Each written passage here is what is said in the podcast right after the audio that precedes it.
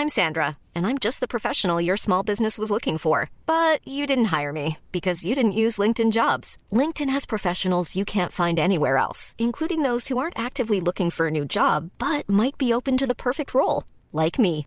In a given month, over 70% of LinkedIn users don't visit other leading job sites. So if you're not looking on LinkedIn, you'll miss out on great candidates like Sandra. Start hiring professionals like a professional. Post your free job on linkedin.com/people today. Nu kommer attack ifrån Sugarcane Hanover som går mycket, mycket fort tycker jag. Det är så fort så jag tror att Kallit kan få svårighet att svara. Sugarcane Hanover vänder ut och in på fältet. Startbilen är i rörelse till Svenskt travderby 1987. What the horse, what the driver, nummer ett McLobel och John D. Campbell. Maharaja la Suède, Maharaja s'est retrouvé, le retour, le comeback de Maharaja le 17 vid något tillfälle att jag trodde att det var en av de bästa hästar jag hade tränat för. Det tolkades på olika vis. Du behöver inte misstolka det längre, för det här är den bästa häst jag har kört och tränat någon gång. Barenne, me gusta, me gusta, me gusta! Un classico, no problem! Barenne, facile, alla! Då säger vi välkomna till ännu ett avsnitt av Trottosports podcast. Det 118. Jävlar alltså vad vi stånkar på. Tycker jag. Ganska bra. Det får man säga. Ja. Och vi kommer från en påskhelg och Magnus har varit på trav och allt. Det är ju sensationellt i dessa tider. Lite, lite avundsjuka måste ni vara, även om man inte ska sitta här nu. Det är ju så... Men eh, ja, tänk, unikt nog har jag Ja. varit på trav. Faktiskt. Du, vi återkommer till det.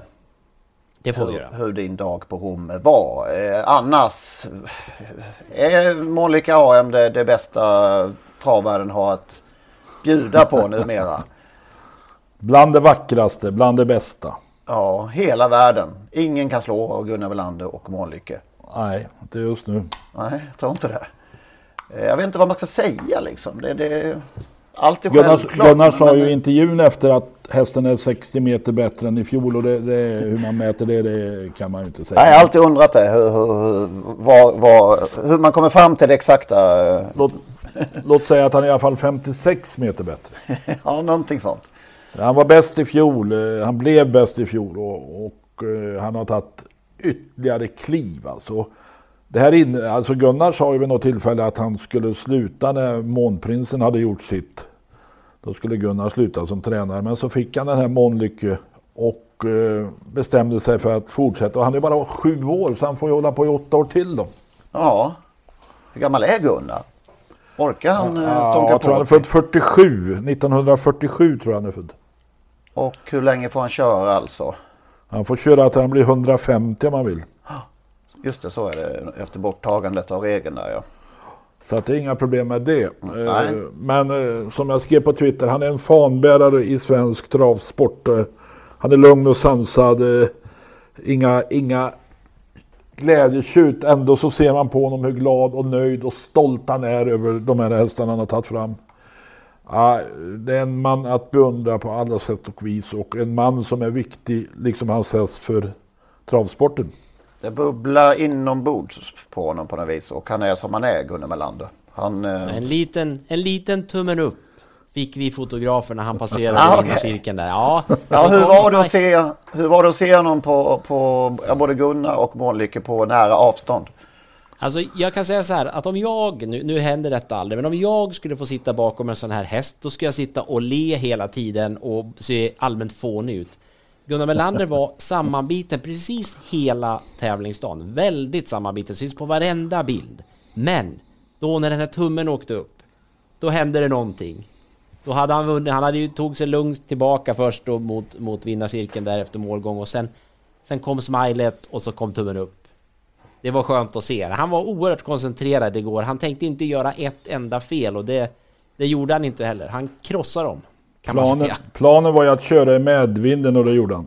Ja, det fanns gott om medvind igår så han hissade verkligen seglen där. Och, och eh, just det här att han körde ifrån dem. Alla dessa spekulationer om att han skulle kunna tappa i starten och att då var de andra i kapp och allting. Han kör ifrån dem och eh, de här siffrorna från ATG Labs där sista 300 så går han alltså 18 och 3. Sista 500 gick efter 21. Ja, det är han hade inte behövt köra så fort, 18, men jösses alltså. Med medvinden så kom kom han ner på 18. Ja, jag skulle också velat sprungit där igår faktiskt. Det hade varit bra för självförtroendet att få vara ute och, och jogga in där med vinden. Men det var, nej, det var häftigt. Jag stod ju nära hela tiden igår och, och hade möjlighet att, att, att se det här. Och även om Gunnar var sammanbiten så tror jag han var hur nöjd som helst hela dagen. För hästen såg så otroligt fin ut. Jag vet inte hur många meter han vann med, men det var ju av, av, eller åtskilliga meter. Aragon blev tvåa. Och Aragon sprang in 100 000 riksdaler. Inte det illa, inte illa. Nej, det är inte illa. Nej, inte för att vara utklassad. Alltså, jag skulle kunna tänka mig att bli utklassad i det mesta om jag fick en hundring. Det ryktas från Skaraslätten att, eh, att det garderades på någon slags V75. Ja, men det är ju, jag skämdes ju i soffan. här. Månlyck är en häst som jag verkligen har uppskattat och gillat och hyllat i olika sammanhang. Och så är jag så otroligt korkad så att jag garderar med rolig eld. Hur, tänk, hur gick resonemanget? Ja du. Alltså det resonemanget fanns ju utan han slår dem på speed eller sånt där. Jag vet inte. Det, det var så mycket surr om det här med barfota och... Nej, det, nej, jag skäms.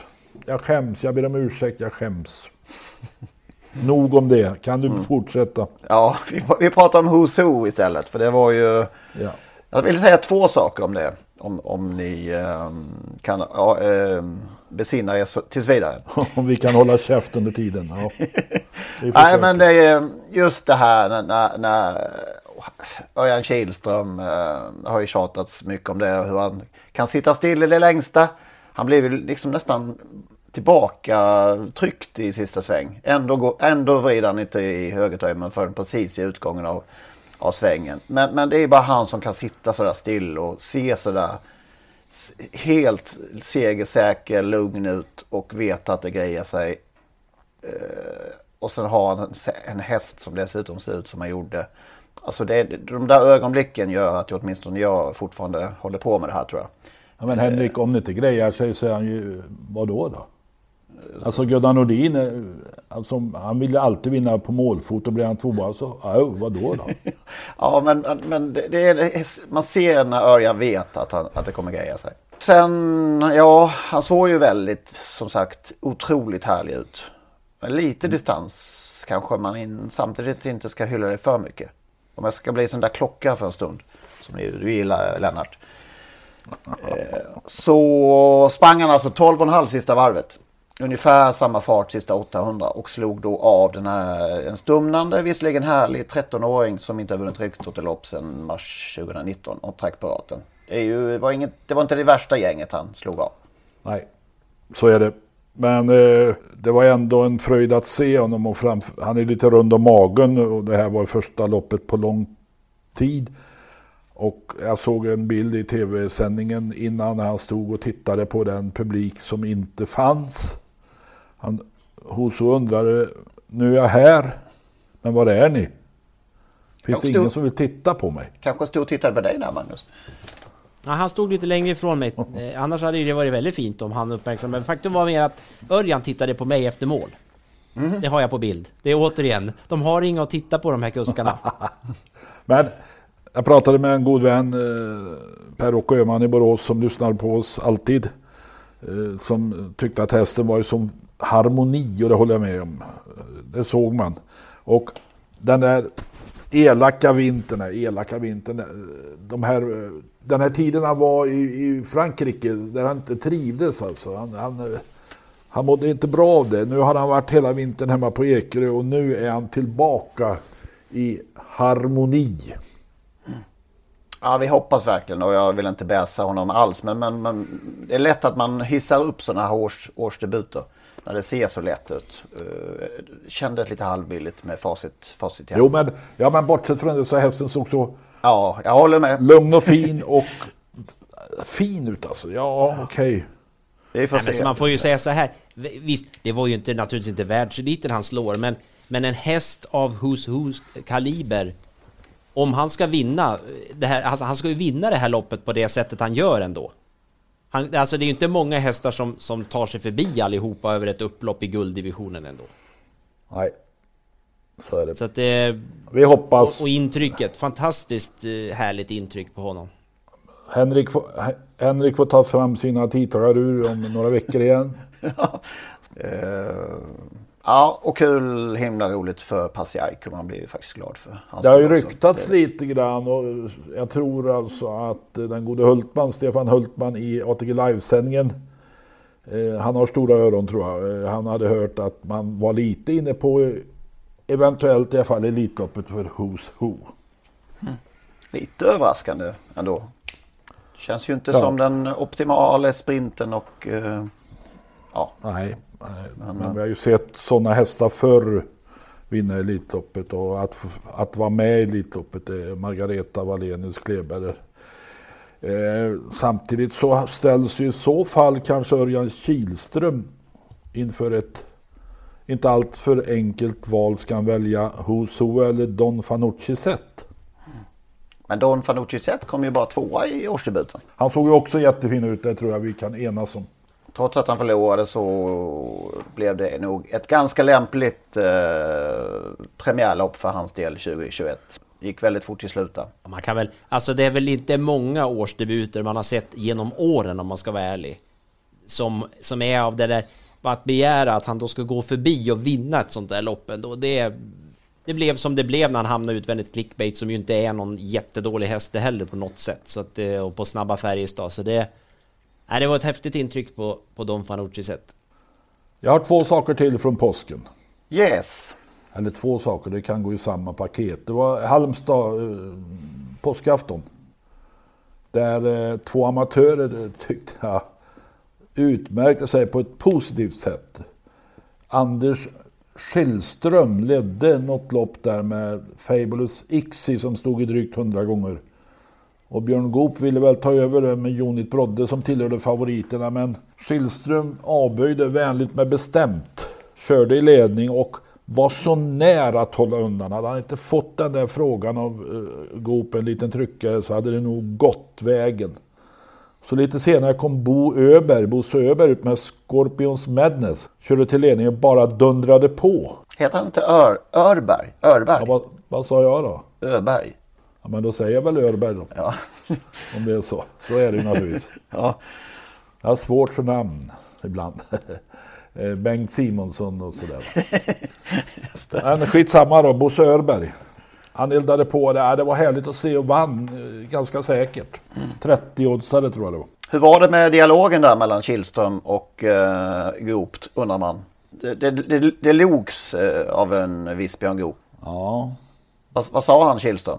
Jag vet han, inte. Ja. nej, han sa väl bestämt att han inte tänkte släppa i alla fall och, och, Men efteråt så hade han ju en En mycket skönare inställning till det Han sa det att Björn kan ju det här så han såg att det var en kanon Fabulous Ixi, nioårig vallack som, som var sträcka på 0,19% och har vunnit två av 76 starter. Det är skönt. Ja, det var en härlig distans på Kihlström där som...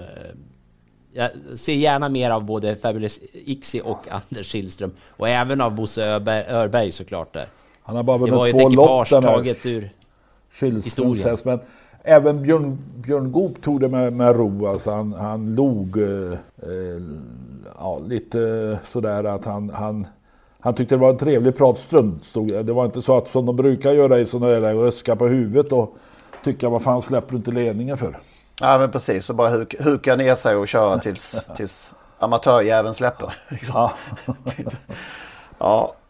Men eh, Vart och Tösen gick det inte lika bra för. Vi eh, var lite inne på här att vi kanske gjorde hästen en otjänst efter debuten som vi hyllade efter konstens alla regler. Nu gick det åt fanders direkt här. Ja, det gjorde ju Ja. det. Eh, det. Det är väl inte vare sig vårt fel eller. Batotösens fel så tillvida att hon galopperar naturligtvis. Men, men eh, nej, hon galopperade. Hon är ju bara tre år, hon är orutinerad.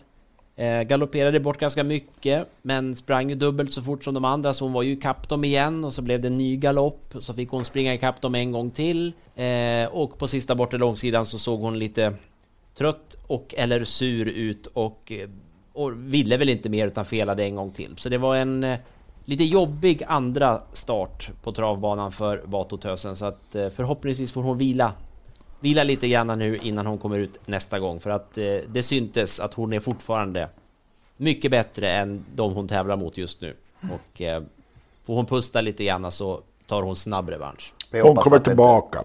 Vad, vad stod hon... Eh, vad var det för eventuellt odds den här gången? Ja, det, jag kan säga så här. Det var en otrolig tur att jag inte tittade på loppet när det gick. Därför att hon stod väl i, stod hon i 1,57 eller något sånt där. Och jag får nog säga det med mina begränsade spelkunskaper att nog för att jag vet att 1,57 inte är världens högsta odds, men jag hade nog... Det hade nog gått några kronor på Batotösen till det i alla fall. det får jag faktiskt erkänna. Jag, jag, jag sitter här och, och, tittar vad, vad det var för um, vad det var för odds, men det, det hade jag nog gjort för jag, jag i efterhand tittade och såg vad hon stod i så um, det var överraskande högt tyckte jag. Jag tittade också här med... 1,58, förlåt. 1,58 till och med, så det var ännu högre. Jag tittar på STs resultatlista. Det går inte att se vad de stod i för odds. Nej, man får gå in på atg.se. Det är det som gäller. Ja, Pleasure Cash sa jag. Nej, vad hette han så? Ja? P Pleasure for Cash. Pleasure for Cash, ja. Det var ju också tråkigt, ytterst tråkigt. Ännu mer tråkigt än Batutusen. Eh, när han mitt, eller tidigt i loppet, eh, blödde näsblod. Eh, det var ju en dramatisk och ruskig upplevelse tycker jag faktiskt. Ja, det var, det var en sån här sak som man, man ju naturligtvis aldrig vill se där när... Eh, jag vet inte hur det såg ut riktigt, hur mycket som syntes i TV, eh, just vad gäller när Magnus Djuse tog ur hästen ur fältet. Det fick man ju säkert se, men sen fortsatte ju fältet. men jag hade ju ögonen kvar då, där runt 300-400 kvar, där, där Eh, Pleasure for Cash då togs ner eh, lång, långsamt försiktigt av Magnus Djuse och sen vände han upp och hästen fick ju gå väldigt långsamt mot stallet igen. Och då visste vi ju inte riktigt vad som hade hänt, men man stod ju där och nästan väntade på att han bara skulle falla ihop hästen, för det, det såg ju väldigt otäckt ut. Men han tog sig till stallbacken och sen kom ju den här förklaringen och jag såg även på de bilder jag hade tagit ju att hästen blödde kraftigt ur nosen. Alltså jag var, blev lite irriterad efter det när, när Oskar Berglund fick 300 kronor i böter för ej har gjort rent nummerbrickorna. Man såg ju i tv-intervjun där eh, Oskar då ställde upp och var väldigt korrekt och, och skötte det klanderfritt.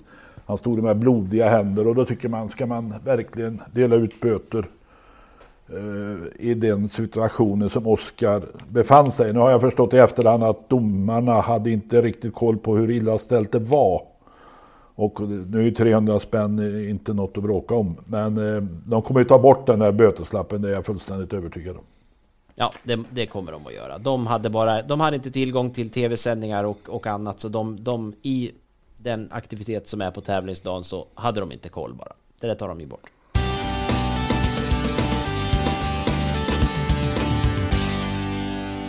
Hur var det då att eh, uppleva denna påskdags eh, travdag på Rom, eh, den klassiska? Du har varit där många gånger under åren, jag också, men inte lika många som dig säkert. Nu var det alltså, nu var du så gott som ensam på publikplatserna. Ja, det är ju så numera, så för att travsporten ska få tävla så är det ju att man betraktar hela arenan, hela travbanan som en arbetsplats och då får det ju bara vara personer i tjänst där och jag var där tillsammans med min sambo i egenskap av fotograf och skribent och, och bara detta som händer när vi kommer dit, man har alltså öppnat grindar som normalt sett inte är öppna för att man ska kunna köra in bilar och parkera bakom stora läktaren där. Och sen låste man de där grindarna. Så att vi var verkligen in, först, ingen får ju komma in, men när de väl öppnar får man komma in och sen låser de grinden igen, så vi var ju tvungna att vara kvar till, tills efter V75. Eh, men helt stängt, helt... Han blev inte utsläppt alltså? Nej, nej, vi hade inte kommit ut med bilen. Vi hade fått klättra över staketet för att planka ut hade vi fått gjort. Om vi skulle ut. Nej, men det, och det hade man inte velat när man äntligen får komma in. Då ska man inte sticka därifrån. Men, men som sagt, det var tomt överallt. Det var ju... Eh, det var en mycket märklig upplevelse och, och vinden gjorde sitt till till att det här blev märkligare på sitt sätt. Det, det är ju väldigt tyst på en travbana utan publik, även om spiken pratar på lite grann där. Jag har skrivit en text som vi har lagt ut på, på trottosport.nu då med, med lite bilder och andra reflektioner. Men, men det, var, det var öde. Det var öde på, på alla sätt. Mm. Ja, det är märkligt. Det är lite grann som att tävlingar som inte... Det är på låtsas lite grann. Har jag liksom, det är en känsla man får. Ja, det är ju det och just detta utan publik. Vi, vi pratade nyss här om Bosse Örberg då som, som eh, hållit på med det här i över 30 år. får vinna ett lopp, tar sin största seger och det finns ingen publik. Och under det här året som, som ju alla aktiva har levt i detta, att, att tävla utan publik, så många som har tagit segrar som förmodligen aldrig kommer tillbaka och inte fått en applåd för det ens. Pengar i all ära, men det är ju eh, det är ju just att vara på plats och få se sin häst vinna. Eller som kusk naturligtvis, eller tränare, få ta emot lite applåder också. Få lite ära för allt slit. Men Ja men som något... Eh, hästägare och få kliva in i den där jävla vinnarcirkeln någon gång när, man väl vinner. Eh, ja, ju... Jag har gjort det en gång. Jag har gjort det en gång i hela mitt liv och det var just på Romme och det första jag frågade Leif Loket Olsson som ju på den tiden var på varenda travbana det var att jag frågade om han hade spelat. Mm. För jag hade träffat honom innan och sa det att min häst och Sweet Lady Gell. Eh, det var den seger hon sen då blev av med på grund av att hon hade varit fel, inte felaktigt foder hade hon ätit. Men i alla fall, det var en parentes. Men nej visst, det är många som inte får uppleva det här nu och eh, jag tänker på alla de här som, som åker runt på banorna varje vecka. Eh, det måste ha varit ett märkligt år, även om, om travsporten i stort är tacksam för att den har fått fortgå. Det får man aldrig glömma bort. Det, det är tämligen unikt, åtminstone inledningsvis på den här förhatliga pandemin då. Men, men det är konstiga segerdefileringar, det är konstiga defileringar, det är... Efter varje lopp så uppmanar spiken då att vi, vi kör på som vanligt, men vi har ingen prisutdelning i vinnarcirkeln, men kör ändå dit så att fotograferna får ta en bild. Och det är det som sker. Vi pratade kort kort om eh, det här radpriset på V65 Eh, förra veckan och vi ska bara ja, fastslå hur det var. 50 öre var ju eh, det begynnande radpriset när de startade 1974. Lite senare, eller jag tror det var en stund in på 80-talet, så höjde man alltså till 60 öre. I april 1986 höjde man alltså till eh, en krona. Och eh, efter ett tag så fick man ju kritik för detta. Det blev för dyrt tyckte många spelare. Eh, därför då infördes ett 70 alternativ till redan på hösten 1986. 21 eh, september till Åbys omgång. Så då blev det alltså två alternativ, 70 öres och en kronas. Så där har vi facit. Det som vi dividerade om lite grann förra veckan. Så det fanns, det fanns ett 60 öres en liten stund. Som inte jag trodde ja, jag kommer, ja. Ja, jag kan ju aldrig glömma det för jag lämnade ju ständigt in mina 16 rader som kostade 9,60. Okej. Okay. Två gånger två gånger två gånger två gånger spik gånger spik. Jag tyckte det var otroligt stort att få lämna in så stora system. Man fick ha två hästar i ett lopp. Det tyckte jag var otroligt. Ja, har vi rätt ut det.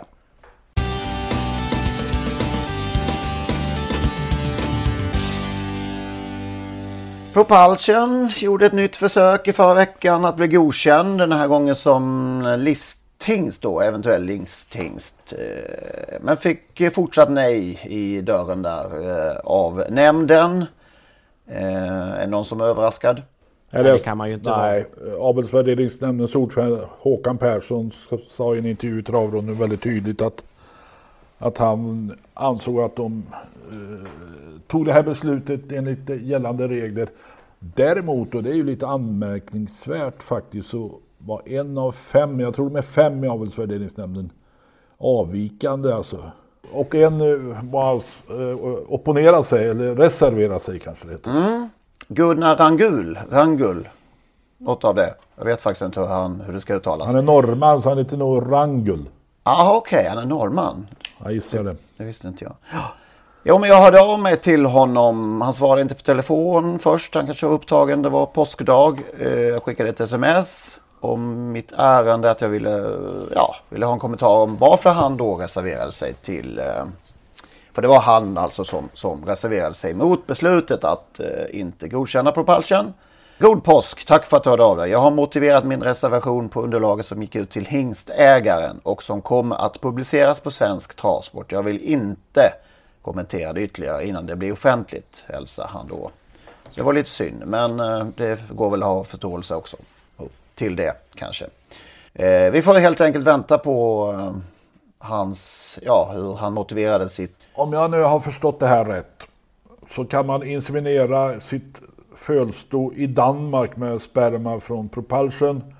Ta in hästen i Sverige, fölstot föda i Sverige och därmed eh, avkomman berättigad att starta i alla klassiska lopp, i alla lopp som finns i Sverige. Ja, då måste, man måste ta in då och re- registrera eh, stoet i Danmark till exempel.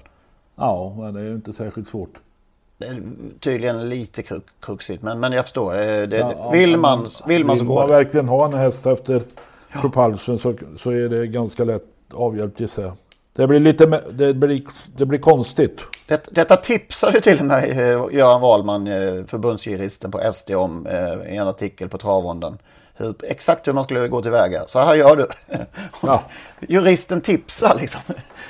Eh, Ett nytt, ett nytt eh, programformat i, i något sammanhang kanske. Ja just det, juristen tipsar. Han får eget format där i, travronden. Ja, just det. Juristen tipsar. Ja, det var lite kul. Eh, men ja, det, vad tycker vi om detta? Tycker vi något om det? Jag, jag, jag reagerar på, vi får ju se, det är intressant nu när vi får då den här skriftliga förklaringen eh, från eh, den som reserverade sig här då och även från beslutet i stort. Men det, det man kan läsa redan nu, där man ju då, när man redovisar den här avelsvärderingen som genomfördes på alla hingstar, då var ju då under punkten eller rubriken ej avelsvärderad så står ju propulsion och man förklarar det med att avelsvärderingsnämnden har nu beslutat med hänvisning till rådande bestämmelser i avelsreglementet att ingen avelsvärdering ska genomföras då inga synnerliga skäl framkommit. Då kan man ju ana att det skulle kanske kunna vara så att det har förts en diskussion om att ändra bestämmelser i, av, i det här reglementet, i avelsreglementet, för att man i en framtid kanske ska kunna godkänna propulsion i alla fall. Jag vet inte, det är en spekulation, men det är ändå formuleringen är sån att det, det är de rådande bestämmelserna, vilket man ju normalt sett, det brukar man ju inte ens behöva skriva, för det är väl med bestämmelser som underlag som man fattar beslut. Men man har ändå förtydligat detta under, med en asterisk här i, i det här man har publicerat hittills. Då. Så vi får väl se vad, vad den här reservationen bestod i. Men konst, det är konstigt. I vilket fall som helst är det ju konstigt att, att Sverige inte avelsvärderar Propulsion längre, men, i, men han kommer ändå att existera i form av andra avkommor. Dels därför att de ju som föds nu fortfarande får registreras, men sen som sagt att det kommer att komma från andra länder också. Det blir lite speciellt. Ja, det blir oerhört spännande att se eh, första kullen här. Hur, eh, det kan ju bli ett jätteintresse efterhand så att säga. Att få till en, en, en, den här lösningen som Göran Wahlman tipsar om. Att. Ja, ja, alltså överhuvudtaget är det ju... Det blir ju naturligtvis roligt att se om Propulsion visar sig vara fullständigt fantastisk. Ja. Att Troligen. de vågar få, stå, stå fast vid det här att nej men i Sverige. Nej, ja, det, blir, ja, det är oerhört spännande om, det skulle, om, om så skulle bli fallet.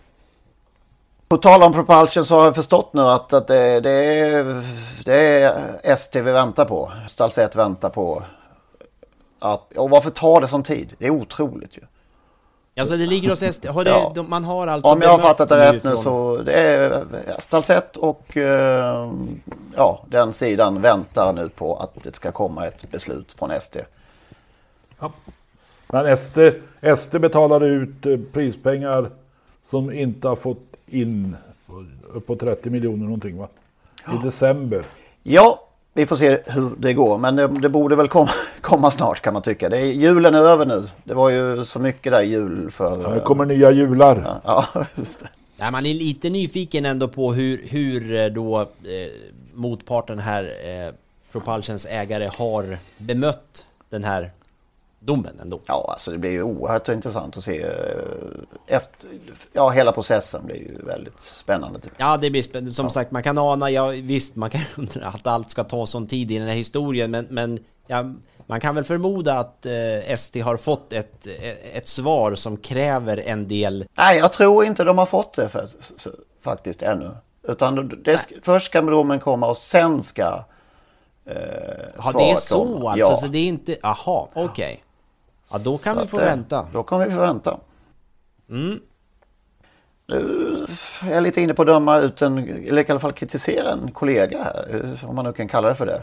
Kanske lite av en helig ko till och med.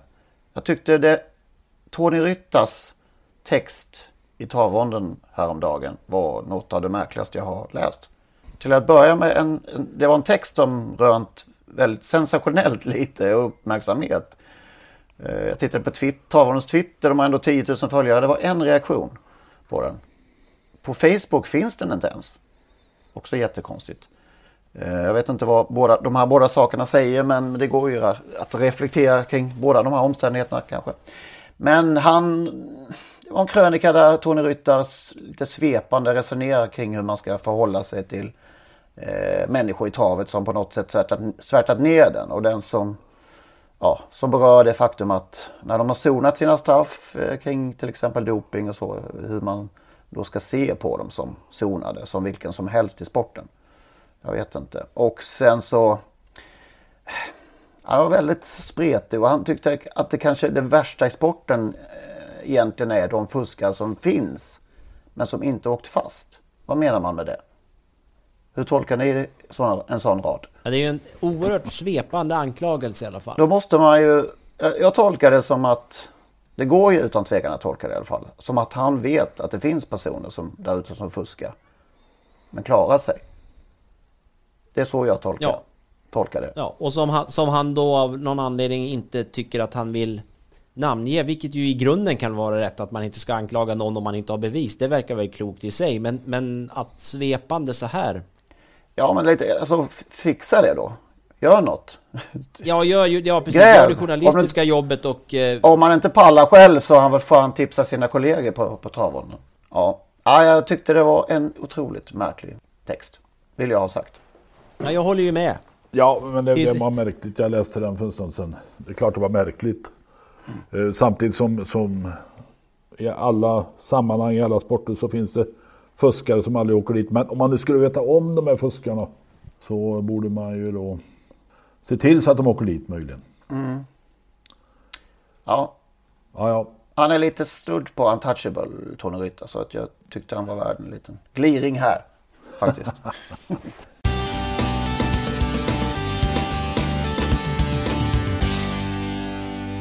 Klyschorna då, hur går det med dem? Vi, vi har fått in en del. några. Jag har en, jag har en som jag... Hästar som tappar benen. Hör jag allt för ofta. Han tappade benen. Ja, det låter, som- obe, låter obehagligt. Ja det gör ju det va. Och vi som håller på med det här, vi vet ju då att, att man tappar travet eller galopperar. Han, tapp, han tappar benen. Men alltså det finns ju en mängd människor som kanske bara tittar lite förstrött varje lördag. Och så oj, där tappar en häst benen. Ja, det låter lite... Ja, det går att hitta andra ord framförallt. Ja, ja. Har något mer? Har vi inte fått in några? Vi har ju det. Ja. Magnus Johansson är en flitig, ehm, ja, på att höra av sig. En flitig mail, mailare. Han, ja, när, när jag läste det här så, så, så, ja, det är klockrent faktiskt. Det är ingen klyscha kanske i sig, men den, ett överanvänt uttryck. Det, är en fi, det här är en fin häst.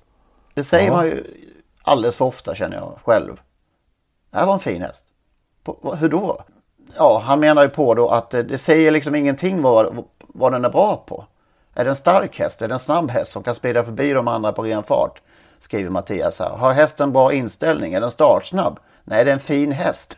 Vad heter han nu då? Martin eller Mattias? Nu får du faktiskt bestämma dig. Mattias heter han kanske Johansson. Så är det Ja, nu ja. ja, ja, Ja, okej då. vad bra, tack. En fin häst. För mig, är en, för mig är en fin häst en vacker häst. Ja, Okej, punkt liksom. Ja. Men eh, säger du det här var en fin häst om, om han är 50 meter efter i mål? Ja, att han är vacker, det kan, men det säger man kanske inte det. Men om man kommer i defilering, vilken fin häst säger jag då. Ja, men, men om du... Men det har inget med hans om- prestation eller något Om du ser en, en debutant eh, en torsdagkväll på Åby och, och se, glänser lite grann. Eh, vad säger du efteråt? Det var en fin häst. Det säger man ju. Ja, det gör man. Han har en poäng Och det, jag tror att det, jag inser ju nu att det har jag sagt jättemånga gånger och det kommer jag nog att göra i fortsättningen också. Jag kommer, det, det sitter i ryggmärgen. Ja, men, det gör ju det. men precis som du säger, eh, jag läste också det där mejlet och när det sjunker in, det, det är naturligtvis, det, han har ju helt rätt. Det, det är ju, om vi pratar om att, att eh, Ryttars krönika var svepande så är ju fin häst också oerhört svepande. Det Ja, finns men jag, ju liksom tycker, inte... jag tycker man kan säga en fin häst om en vacker häst. Men är den stark Ja. så är den stark. Är den snabb så är den snabb. Är den galopplysten så är den galopplysten och så vidare. Eh, en fin häst är för mig som sagt en vacker häst som är fin att se på. Mm, jag har rätt ut eh, det. Eh, han vet var mållinjen ligger. Det har, han svår, det har Mattias svårt att tro. Hästen springer väl så länge kusken ber om det menar han. Ja, ja. Ja. Ja, och framförallt är det, det, det, inte ens publiken vet ju var mållinjen ligger. Nej, och- Det är den eviga frågan i travsporten. Var, var, var går de i mål Ja, var ligger mållinjen på den här banan? Ja, visst. Ja, det är otroligt att det skulle finnas hästar som, som ser den Ja, osynliga det är linjen. ju Det är faktiskt en floskel som borde tas bort. Eh, en annan som han, Mattias varit inne på tidigare eh, kring, eh, han joggade bara. Det är ett uttryck eh, han inte gillar. Att han, han tycker att, häst, nej, att hästar joggar det, är det, det, är ändå, det är ändå en tävlingsprestation de ofta står för och inte, de är inte ute och joggar. Nej, och det finns något liknande, han eller hon, vem det nu är, vann okörd. Ja, just det. Och det finns ju ingen häst som har vunnit okörd, det vet ju alla. Nej. Mycket krafter kvar naturligtvis, men okörd. Då, ska då måste man vara hemma i stallet om man är okörd. Ja, ja, det var tre från, eh, från Johansson där. Eh, vi fick en också från William Placht. Placht. Placht. Säger man så? Eh, blomma ut. Det betyder väl börja vissna, tycker William. Och det där används ju i alla sammanhang. Ja. Och idrottsvärlden framför allt att, att Jan-Ove Wallner är på väg att blomma ut sa man när han var 15 år. Nu kan man säga blomma ut för nu är han i slutet av karriären. Men det är klart Han att har det är- lagt av för länge sedan, hoppas det, jag. det, ja, det är totalt felanvänt. Eh, och sen så den här, kör så länge lampan lyser. Ja. Kanske, ja. Det, ja, det är också en floskel naturligtvis. Ja, den är ju så svår att förklara. Det är nätt och jämnt så att jag skulle kunna göra det. Vad Nej. den faktiskt betyder. Idag. Ja, fortsätt mejla. Det är ju kul faktiskt. Till vad då? podcast.autosport.gmail.com Maila också in bilder från eh, travbanor världen över. Det har folk gjort och det är jättekul. Så lägger vi ut dem på Instagram. Eh, och har ni, följer ni inte oss på Instagram och vill se de här bilderna så gå in för tusan på Trottosport. Eh, Ja det heter vi va? Bara Trottosport va? Ja, det gör vi. Ja. Ja, på Instagram heter vi det. Ja, jag har en floskel. Du har en till, ja härligt. Mm. Men jag tänkte jag mejlar inte in den utan jag berättar den nu därför att Ja. nu när vi började med det här förra tisdagen då så, så eh, har man ju funderat, jag har funderat på floskler och så, men så är det en som, den, den, jag kom på den efter vi hade spelat in förra gången och jag har hört den efter det i så många ATG live-sändningar alltså. Det det är helt otroligt alltså. Det, det, när man, det är framförallt när man pratar tips. Det är den här, han kan öppna bra från start. Ja. Han kan öppna bra från start. Det, det sägs ju hela tiden, man tänker, ja men kan han öppna bra till slut också då? Eller alltså, det är från start man öppnar. Liksom, man, man är det, startsnabb i början liksom. Det är sådär, ja... Och spurta bra till slut blir ju då den andra grejen. Man spurtar ju sällan i början heller. Va? Det, det är de här två som, som figurerar fortfarande konstant hela tiden. Men den, den är jättepoppis nu, den här. Han kan öppna bra från start. Eller hon. Start, du menar startsnabb? Ja, det är väl det- Jag tänker att de menar det. Jag vet inte om det är någon, någon dörr de är bra på att öppna snabbt från start. Nej, jag, jag, eh, sen har jag har en till också eh, som jag ju faktiskt hoppas att jag möjligen gjorde mig skyldig till för 25 år sedan när jag skrev någonting. Men det här med raka segrar. Du var inne på staket förra veckan. Jag tycker den här raka segrar. Segrar i rad kan man ta, men en rak seger. Det är, framförallt inte på våra svenska travbanor. Det, det, är ju, det svänger ju åtminstone två gånger per lopp. Där är man skyldig. Jag, be, Ja. jag be, bekänner mig skyldig direkt där faktiskt på den. Men det, ja, det, är- när du säger det så. Man har sett några krokiga segrar genom åren, det har man ju gjort. Men, men en rak har jag faktiskt aldrig sett.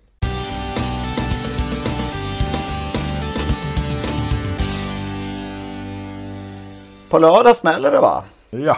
Inte då vi brukar säga att, ja det sa vi i och för sig om påsk också, men när det första Olympiatravs eller Paralympiatravsuttagningen eh, körs och är det vår, då börjar travsäsongen. Eh, lite Ja. grann så faktiskt. Med LC Pettersson Broddas minneslöpning.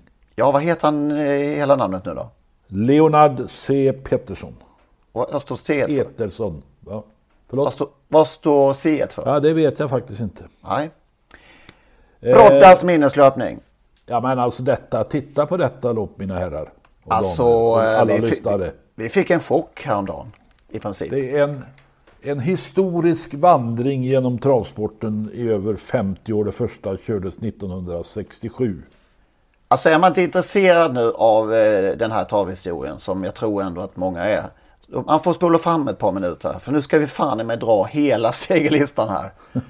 Låt mig först säga då att Leonard C Petersson som sen tog, la till Brodda alltså. Le, Leonard C Petersson Brodda. Startade det här stuteriet, Brodda stuteri 1937. Och är då troligen det äldsta i Sverige. Eh, han, eh, på den tiden var mycket tävlingshästar. Eh, och eh, Hans Ringström, en av eh, Jägersros stora genom tiderna, tränade under en period. Och sen anställde Pettersson Brodda privattränare. Den första var en tysk, Antonis Adamski. Och sen har han haft, hade han en, en rad kändisar ner på Jägersro. Allan Lindskog, Ture Persson, Karlis Veritis, Gert Scherman, Kurt Sjöberg, Ebbe Jönsson. Eh, det finns en anekdot som berättas i, eh, Jägersros fina jubileumsbok. Där, eh, alltså det var inga tävlingar på vintern och för att driva den där tävlingsverksamheten så var det knapert med pengar. Då fick Petersson Brodda ut prispengar i förskott. Okej. Okay. Ja. Och, och, för att kunna övervintra så att säga. Och eh, sen då, ja det innebar ju att, att Jägersro försäkrade sig om att Brodda hade hästar, många hästar i sina startfält i sina program. Det var ju lite kul. Numera är det då Lennart, sonen Lennart Pettersson Brodda som eh, driver stuteriet tillsammans med sin hustru. Och eh, jag tror att eh, Kerstin Pettersson Brodda, dottern alltså till Leonard, fortfarande är ordförande på Jägersro. Absolut. Och, och det ligger ju då i Skurups kommun. Ja, och det har fötts upp en annan fin häst där faktiskt. Pamir Brodde, kriterievinnaren.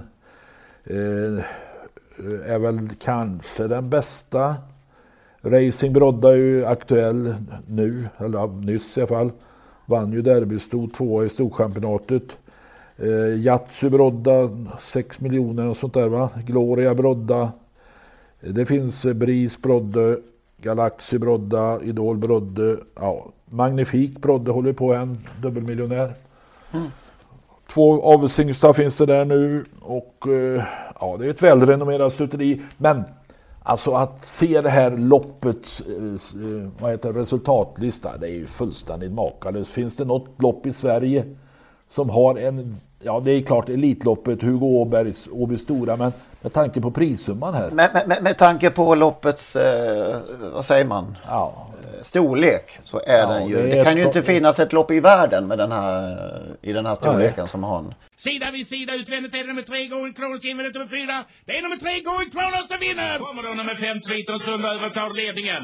Jagat närmast nu av nummer åtta Colombian X3 och sju Adam Soul. Men det är nummer fem Triton Sund som vinner. Fem Nili Nobel, sex Rambrico, sju Park Avenue, Cathy och nummer åtta Pro Crown, nio Bow Spirit och tio Shogun Nobel.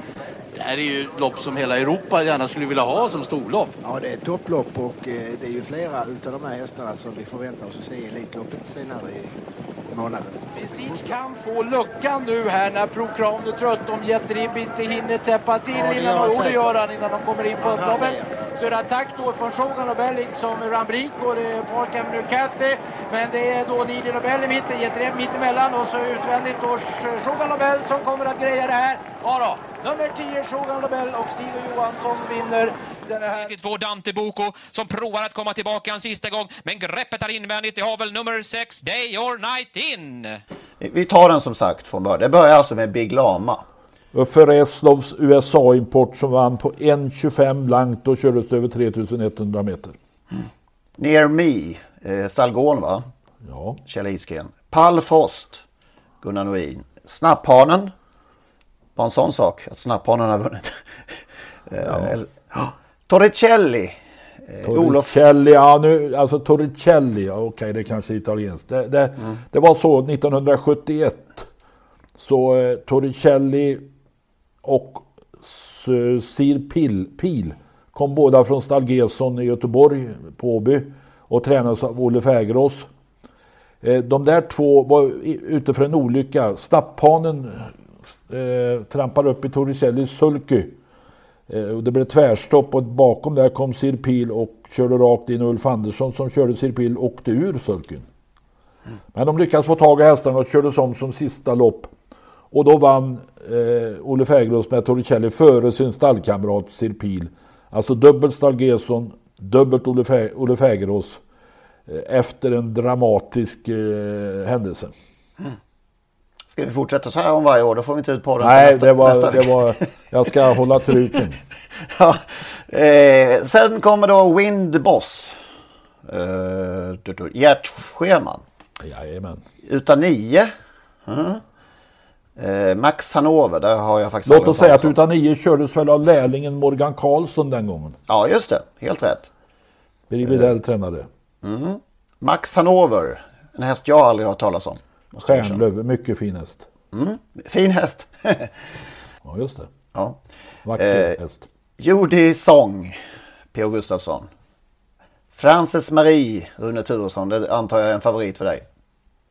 Ja, det var ju, det måste man ju säga, både Rune och Francis Marie. Mm. Aspirant Nibs, Sture Lindström. Ytterligare en favorit. Nu kommer världens vackraste namn. Madison Avenue. Ja. Ja. Pershing. Oktan Sund. Kriterievinnaren va? Och William. Dialekt. Och 1900... Med snapphanen som pappa. Ja, alltså Snappbanen vann 1970 och dottern Dialekt 1981. Ja, underbart. Eh, Mustard alltså, eh, Ulf Nordin eh, 82. Eh, lämnade väl, ja det var det i den vevan Sören flyttade va? Ja. Så han tog över. Båda Ghibli, eh, Per- Per-Erik Pettersson, Erik Friis tränat. Eh, 83. Markon Lepp, Magnus Sandgren 84. Viroid, Anders Lindqvist. Hallå Anders. Eh, Pay Me Quick, Stigås långklivande häst. Kall, Kallit, eller Kallit. Kallit har vi kommit fram till va? Eh, Emil. 1988. Ja, Emil, Kallit, Emil, båda efter Tibur och tidigare med start. Tibur har tre segrande avkommor i det här loppet. Mm. Jet Ribb 89. Mr Lacken 90. Shogun Lobel. Eh, 1991 då som vi hörde. Ehm, Kosa. Nej, At- Atom Night klämmer vi in emellan 92. Anders Lindqvist igen. Sen kom Kosar. Ina Skott två år i rad efter det. Inherit Me, Trond Andersen som vi pratade om förra veckan. Eh, Godas Gold, 97 är vi på då. Frisky Fraser, 99 Moneymaker. Det är otroligt. En 0-0 i vinnarodds. Ja, Finish har vi också berört för något 10 tillfälle. och 7. Vi måste prata tider. Det är den snabbaste tiden. Mm. 10 och 7 vann Moneymaker på.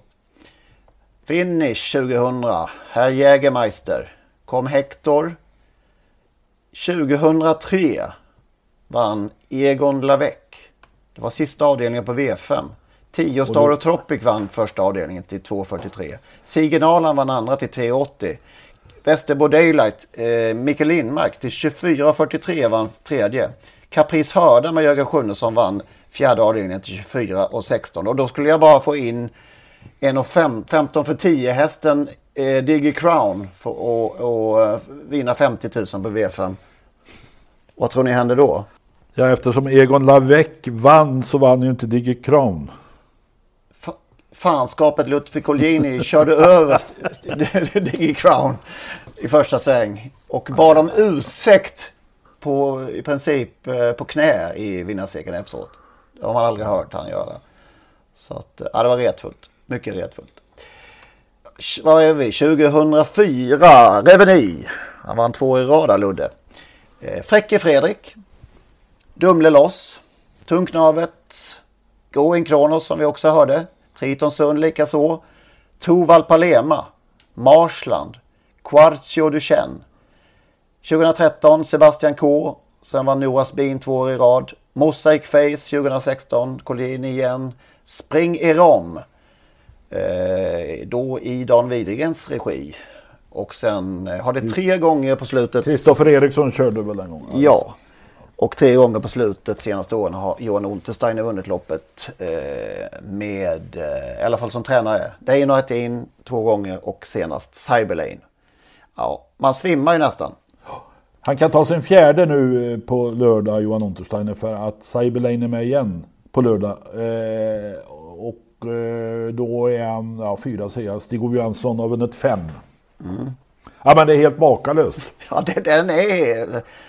Den är golvande. Faktiskt. In och titta på den och bara njut och sätta upp den på väggen.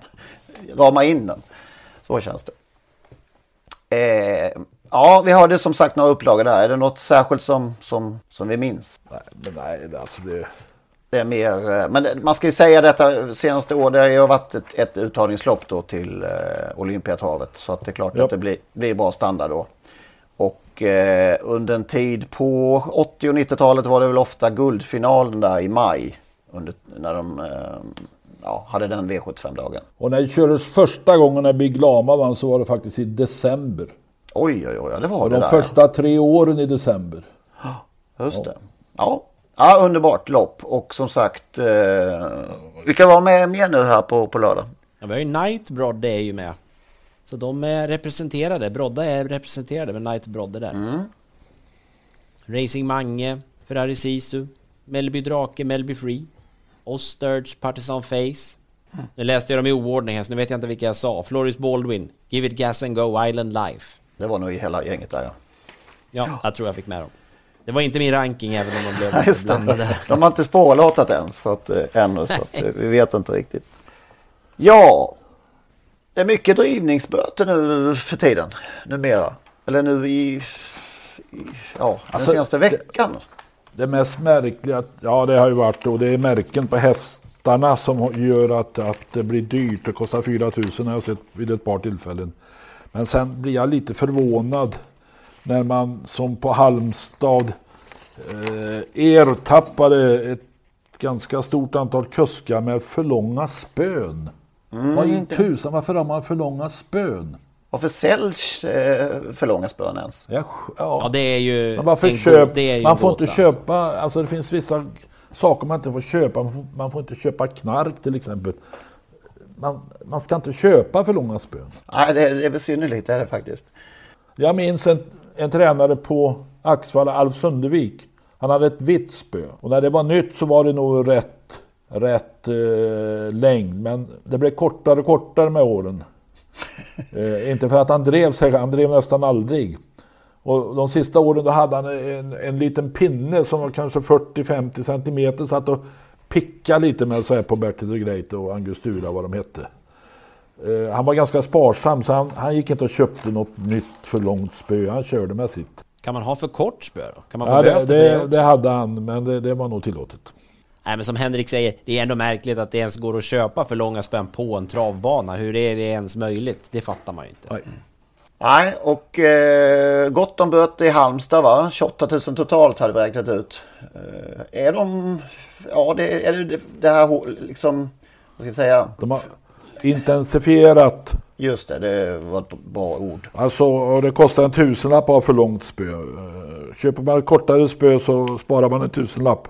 Men vi har också sett eh, rätt många böter för drivning också. Ja, där de har ertappats efteråt med märke på hästarna och eh, då kostar det 4 000 har jag sett vid ett par tillfällen. Eh, Kenneth Haugstad åkte på 4 000 och 10 dagars avstängning för en eh, bakom Comes with Age i Eskilstuna i fredags. Det är två eh, lite pickningar i mitt på upploppet och sen är det två snärtar på slutet där. Det, var, det, kändes, det, är inte, det är inte det mildaste straffet vi har, man har skådat. Det var, kändes tufft. Sen kan, jag, kan inte, jag kan inte reglementet där, men att överhuvudtaget eh, vidröra hästen med körspöet, får man det? Ska man visa spöet för hästen eller får man lägga spöet på hästen överhuvudtaget? Ja, man får nog picka lite. Men man får inte slå så att det blir märken och det är uppenbart att det har skett då vid ett par tillfällen. Då finns det väl fastställt vad det kostar. Det har nog, uppst- det har nog, det har nog funnits märken på många, många hästar genom åren. Så kan man säga. Ja, men eh, där... Vi har sett yviga drivningar också det- som vi inte vill se alltså, någon mer. Det gäller ju att, att man hittar de där märkena. Det, det har säkert funnits mycket, mycket värre märken men de måste ju upptäckas. Ja.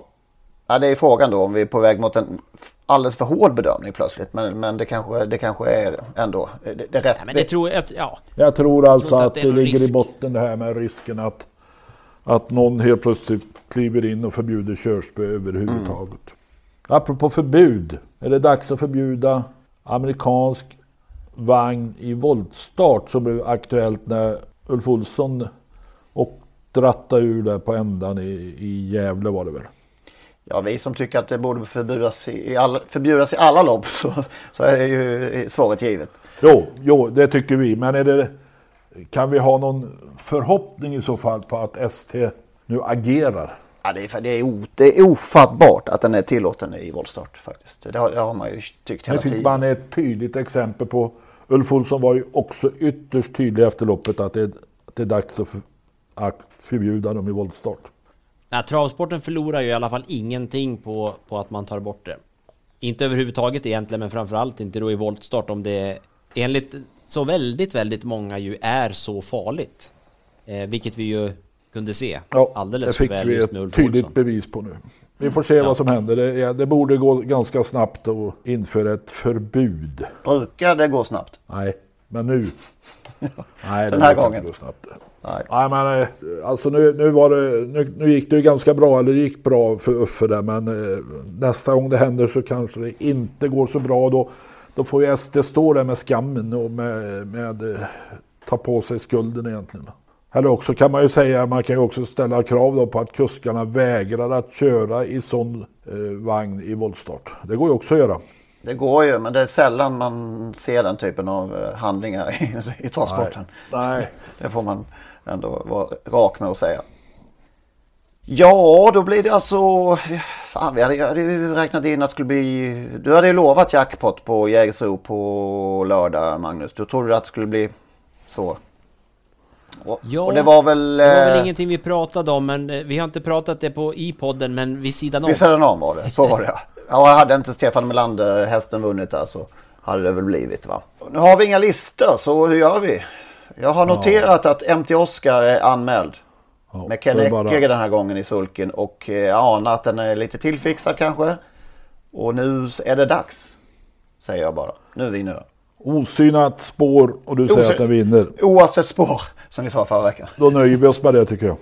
Så kanske Magnus gör en ny eh, blänkare på i slutet av veckan. Jo men det måste man väl göra. Mm. Eh, med tanke på omständigheterna så gör jag väl det naturligtvis. Jag såg också att eh, Forf, nu, vad heter den här hästen? Johan Svenssons häst skulle starta igen. Fallander, ja de heter den så. Farlander, ja, den, den gick ju jättebra efter galopp i Halmstad utan att tummas för fullt. Så han är nog mogen att vinna direkt. Det var i det loppet, det loppet som han ju, han galopperade ju två av fyra startförsök där och det var ju i det loppet vi såg en, eh, när vi tänker på det här vi har pratat om i förra avsnittet om det här med att gå emot läkarens order och att i travsporten är man så hård. Vi såg ju en, eh, vad heter han, Håkan Svensson? Heter Nej, han Håkan E Johansson.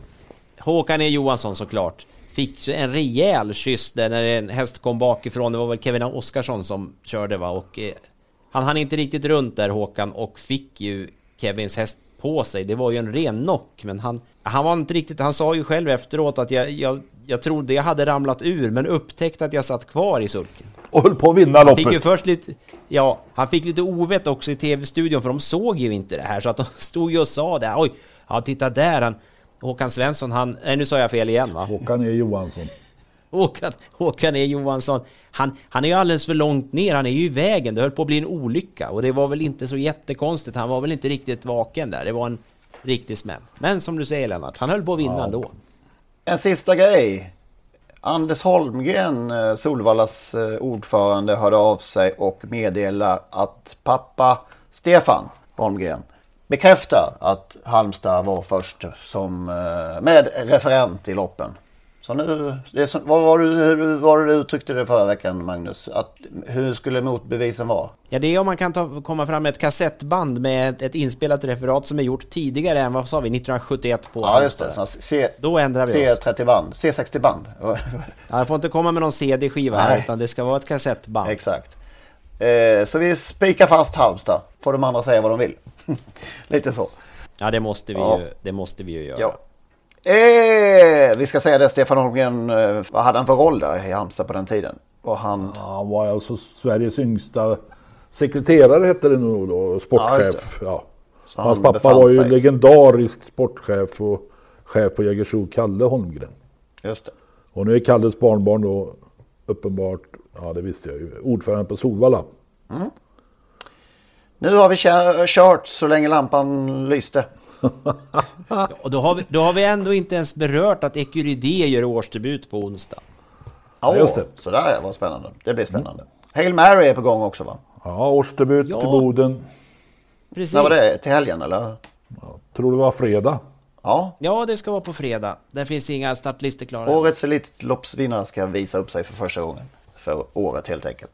Ja, det är nu vi får börja spekulera. Nu kan vi ju faktiskt börja göra det. Mm. Veckorna som kommer i alla fall. Det var lite tidigt i januari som man ju gärna gör i, Men det är då, i andra det medier. är då man kan uh, fynda odds. Som vi hoppas att vi har Det gjort. är redan fyndat. Tack Det är för redan idag. fyndat. Tack för idag. Hej hej. Ha det hej. gott, hej. Hej. Hej då!